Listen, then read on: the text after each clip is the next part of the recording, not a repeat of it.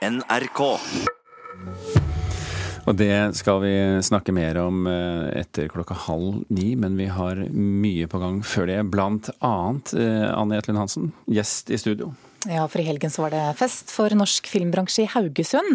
Lørdag kveld ble det delt ut en rekke priser til det juryen mener har vært de beste filmene og skuespillerprestasjonene, annet i året som har gått. Og prisen for beste kvinnelige skuespiller gikk til Andrea Berntsen for rollen i Erik Poppes film 'Utøya 22. juli'. Andrea Berntsen, god morgen og gratulerer. Takk, og hei. hei. Du, de andre nominerte var også Eili Harbo for hennes innsats i filmen filmen 'Thelma' og Maria Mosta i 'Hva vil folk si'. Hva tenkte du da det var ditt navn som ble ropt opp fra scenen? Oh, ja, nei, for å være helt ærlig så trodde jeg egentlig at et annet navn skulle bli ropt opp.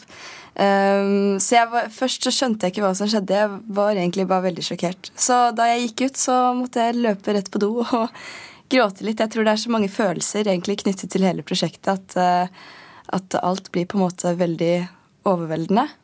Mm. Og I denne filmen så spiller du også 19 år gamle Kaja som leter etter lillesøsteren sin under angrepet på Utøya 22.07.2011. Hva kan du si om henne og det hun opplever? Um, ja, Kaja er jo på en måte hun, Jeg vil si at hun er en sånn perfekt uh, utgave av meg selv, på en måte. Uh, vi, vi, ja, jeg føler at det er mye, mye likheter mellom oss, men hun er mye mer oppgående. Eh, veldig sport, sporty og flink på skolen og ansvarsfull og utrolig moden, egentlig. Eh, mm. Og det som skjer der ute, det er altså at hun løper og leter? Etter søsteren sin, ja. Mm. Mm. Hva gjorde du for å forberede deg til, til en slik rolle? Um, nei, det blir jo nesten som et teaterstykke, da. Når vi, når vi, alt skjer jo på en måte i one take, så mye av, av forberedelsene og, og, tiden som ledde opp til dette her, gikk jo egentlig på å pugge manus og få regi, så vi delte opp hele manuset i scener. Og så gikk vi gjennom én scene hver dag med regi og hvor man lærte tekst og, og slike ting. Og så etter hvert som vi nærmet oss filming ute på øya, så puttet vi alle scenene sammen og gjorde alt i én tagning. Mm, men følelsesmessig? Følelsesmessig um, Ja, hva skal man si? Jeg har jo ikke blitt undervist uh, i teater. Så jeg har på en måte ikke de metodene eller teknikkene som profesjonelle skuespillere har. Så jeg skjønte jo egentlig ganske tidlig at jeg bare måtte prøve å nærme meg dette temaet denne historien ved å prøve å sette meg inn i hvordan det er å være under et terrorangrep. Uten at jeg egentlig har forutsetningene for det, men prøve å kjenne på følelsene som jeg tror kunne ha oppstått i meg i en sånn situasjon. Og da må man jo bruke mye av eh, sitt personlige liv mm. For du er altså 20 år gammel, ganske ung under angrepene 22.07.2011. Hvor mye husker du av den dagen og dagene etter? Jeg, jeg husker jo egentlig eh, mest om bomben. Eh, det er jo rart, egentlig.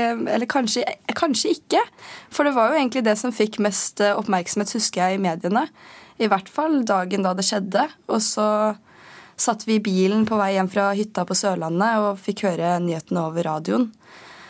Og dagen etterpå så husker jeg at vi våknet opp, og så så vi bare nyhetsoppslagene med hvor mange som døde. Jeg var jo gammel nok til å forstå at dette var skummelt, at det på en måte, ja, at det var farlig. Men jeg var på en måte ikke moden nok til å forstå at det var menneskeliv som var gått tapt. da. Eh, så det er egentlig noe jeg har innsett eh, først nå, på en måte, i senere alder, og etter å ha jobbet med dette prosjektet her. Hvor avgjørende er det da å få anerkjennelse for den jobben du har gjort når dere har laget en film om en virkelig hendelse som berører så mange familier og egentlig hele Norge? Anerkjennelse i form av, i form av priser på, på Amandafestivalen. Det er klart det er, det er utrolig stas, jeg skal jo ikke legge skjul på det. Men, men, det som på en måte var mest skummelt, og, og meningene som var mest avgjørende eh, for meg, og som jeg også opplevde for resten av produksjonen, var at eh, overlevende og de som, som, var direkte berørt av terroren, skulle se dette her og, og, og på en måte eh, bekrefte at det var bra nok laget. Eh, det var på en måte min største bekymring. Ja, Var du redd for å feile? Så klart. Det er, jo, det er jo ikke bare Når du debuterer i en film, så er det skummelt i seg selv, og så er det om et om et eh, så sterkt tema som, eh, som, har berørt så mange mennesker, da er det klart du er, du er redd for å, for å, tråkke feil, og at det ikke skal bli bra nok. Og det er mye ansvar å legge på skuldrene til en 20-åring og, og, formidle et nasjonalt traume, så jeg kjente mye på Litt Ja, kall det prestasjonsangst, da. Mm. Og så opplevde du også det å spille inn filmen på et sted hvor du vet at det skjedde så mye forferdelig? Eh, ja, vi spilte på naboøya. Ja. Mm. Men dere spilte altså på en, i en location hvor det skulle ha, skulle ha skjedd et terrorangrep, da. Ja.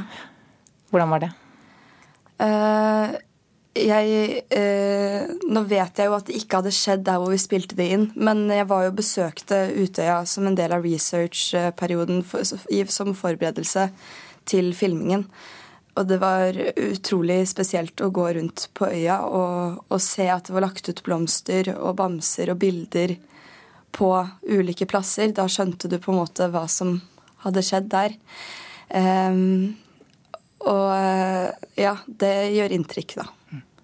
Regissør Erik Poppe har også valgt, eh, valgt, unge, ukjente skuespillere til å spille tenåringene i filmen. Du fikk også prisen for beste kvinnelige hovedrolle i helgen. Mm. Din medskuespiller Solveig Koløen Birkeland vant årets pris for beste kvinnelige birolle med denne filmen.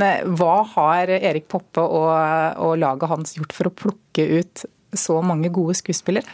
Eh, ja, Folk og Film, eh, som var castingbyrået jobbet tett med Erik, og de, og de, dro på ulike steder i Oslo hvor de visste at det skjedde ting, teater og, og kulturelle ja, ting. Og eh, da Så jeg var jo egentlig forberedt på at jeg ikke skulle få noen rolle, for det var jo så mange som var casta inn av mange av mine venner og, og folk om meg inn i Oslo. Eh, så det var, det var omfattende. Mm. Imponerende. Vi, får vi sett deg i noen roller, nye roller fremover? Eh, jeg drar jo på, på auditions, men jeg har eh, Jeg uh, tenker at jeg har lyst til å søke på en teaterskole. For jeg er fremdeles amatørskuespiller og, for å lære meg teknikker og metoder. Men jeg har lyst til å jobbe både med scene og foran kamera. Og ofte, for å jobbe på scenen så må du ofte ha utdannelse, så jeg og noen kompiser skal lage et teaterkompani og skrive og regissere selv. Produsere. Det er noe eget. Lykke til. Takk for at du kom til Nyhetsmorgen, Andrea Berntsen. Takk. En annen film som fikk eh, oppmerksomhet i Haugesund i går kveld, det var katastrofefilmen 'Skjelvet' som åpnet filmfestivalen. Her får vi et eh, gjensyn med familien Eikjord fra Bølgen, som nå blir utsatt for en ny naturkatastrofe, denne gangen i hovedstaden. Det jeg kommer til å fortelle nå, kommer til å høres helt sinnssykt ut. Skjelvet er Norges største katastrofefilm noensinne. Det fins riktignok ikke mange av sorten, men regissør Jon Andreas Andersen har laga en spennende og medrivende sjangerfilm. Den imponerer med effekter som nærmest gjør bølgen til et skvulp, og engasjerer med et mellommenneskelig drama som får akkurat nok tid til å utspille seg mellom høydepunktene. Skjelvet har noen få svakheter, men innvendingene er pirk som forsvinner sammen med postskipet Girobygget.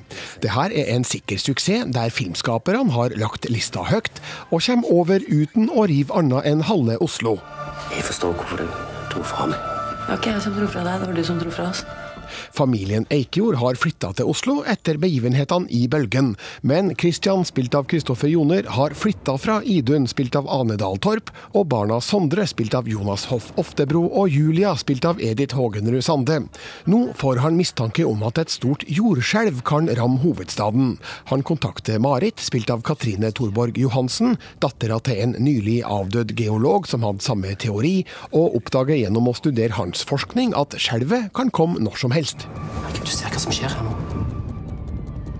Jeg veit at det ikke er lett. Du har vært midt i en katastrofe. Det betyr ikke at det er ulykke overalt hvor du er. Spenninga bygges gradvis opp på en effektiv måte. Når ting begynner å skje, går filmen over i rent katastrofemodus, der Christian og Marit må forsøke å redde Idun og Julia. Her får vi en rekke forrykende sekvenser, der det bokstavelig talt handler om liv og død. Effektene er òg førsteklasses. Omfanget og detaljnivået overgår alt man har sett i norsk film tidligere, der kjente landemerker går til grunne i spektakulære oversiktsbilder.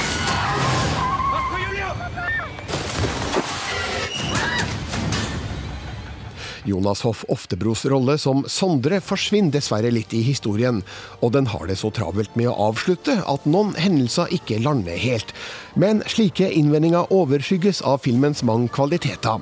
Det her er en modig satsing fra Fantefilm, for fallhøyden er stor når man gir seg i kast med en sjangerfilm der man konkurrerer med Hollywood.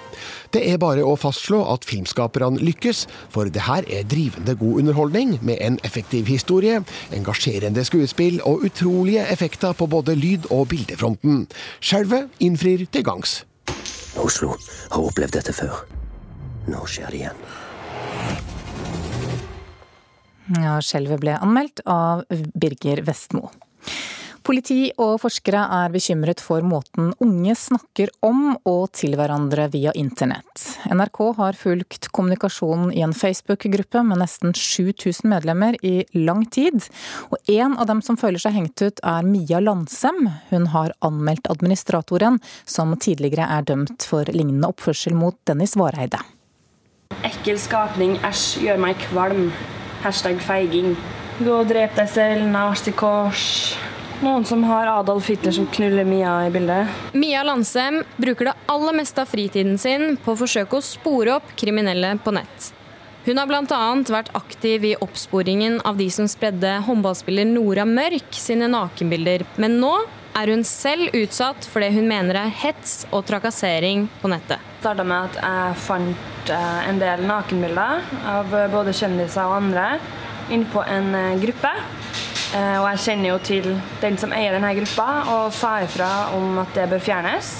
Og så spesifiserte jeg at jeg ønsker ingen innlegg om meg inn på denne gruppa di. Um, og da gjorde han det likevel. Landsem er tydelig opprørt over hva som har foregått i en Facebook-gruppe på om lag 7000 medlemmer, de aller fleste unge. Etter at gruppas administrator rettet søkelyset mot henne, har mobilen eksplodert. Hundrevis av telefoner, stygge meldinger, vonde ord. Landsem mener at mobbing og uthenging av andre har blitt vanlig kultur blant unge på nett. Det er det eneste som er innholdet i de her gruppene. Det er bare mobbing, det er homohat, det er nazistiske symbol, eh, bilder av tortur. Og det her er det barn, masse barn som sitter og poster. Men det er ikke internett som gjør at unge mobber på nett, mener postdoktor ved Universitetet i Oslo, Tijana Milosevic.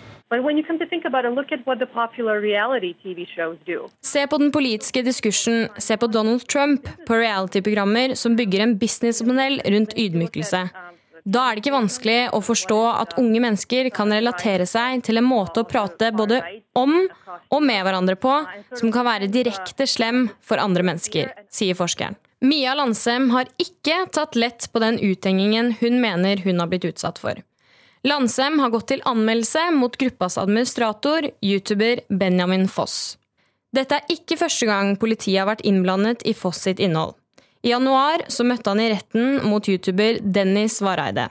Men selv mener han anklagene til Landsem er absurde. Hun har jo på en måte en ganske sånn hard tilnærming i måten hun ja, tar for seg saker på. Uh, og det har jeg vært litt sånn kritisk til. Uh, prøver egentlig bare å skape litt humor og, og satire rundt, rundt situasjonen.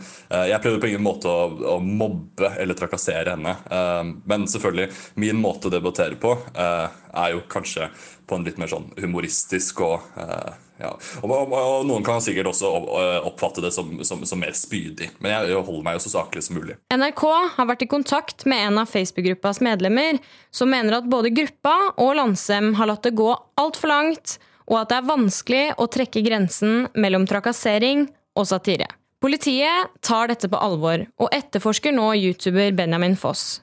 På et generelt grunnlag så mener Kjersti Rønholt i Kripos at det er like ugreit at en slik mobbekultur foregår på nett, som at den skulle foregått i skolegården. I, i sånne, sånne, grupper så, så, blir det jo ofte et ekkokammer også. og det, det, vi prøver å eh, oppfordre foreldre til, er jo det å ha litt, ha litt koll på hvor ungdommene dine er på internett. Fordi da får man også et innblikk i hvordan de oppfører seg. Mia Landsem hun håper på sin side at denne anmeldelsen vil hjelpe unge til å forstå at det du skriver på nettet kan få store konsekvenser både for den du henger ut, og for deg selv. Ja, reportere i saken her, det var Kaja Marie Andreassen og Kristine Sterud. Klokka nærmer seg 8.30, du skal få siste nytt fra Dagsnytt.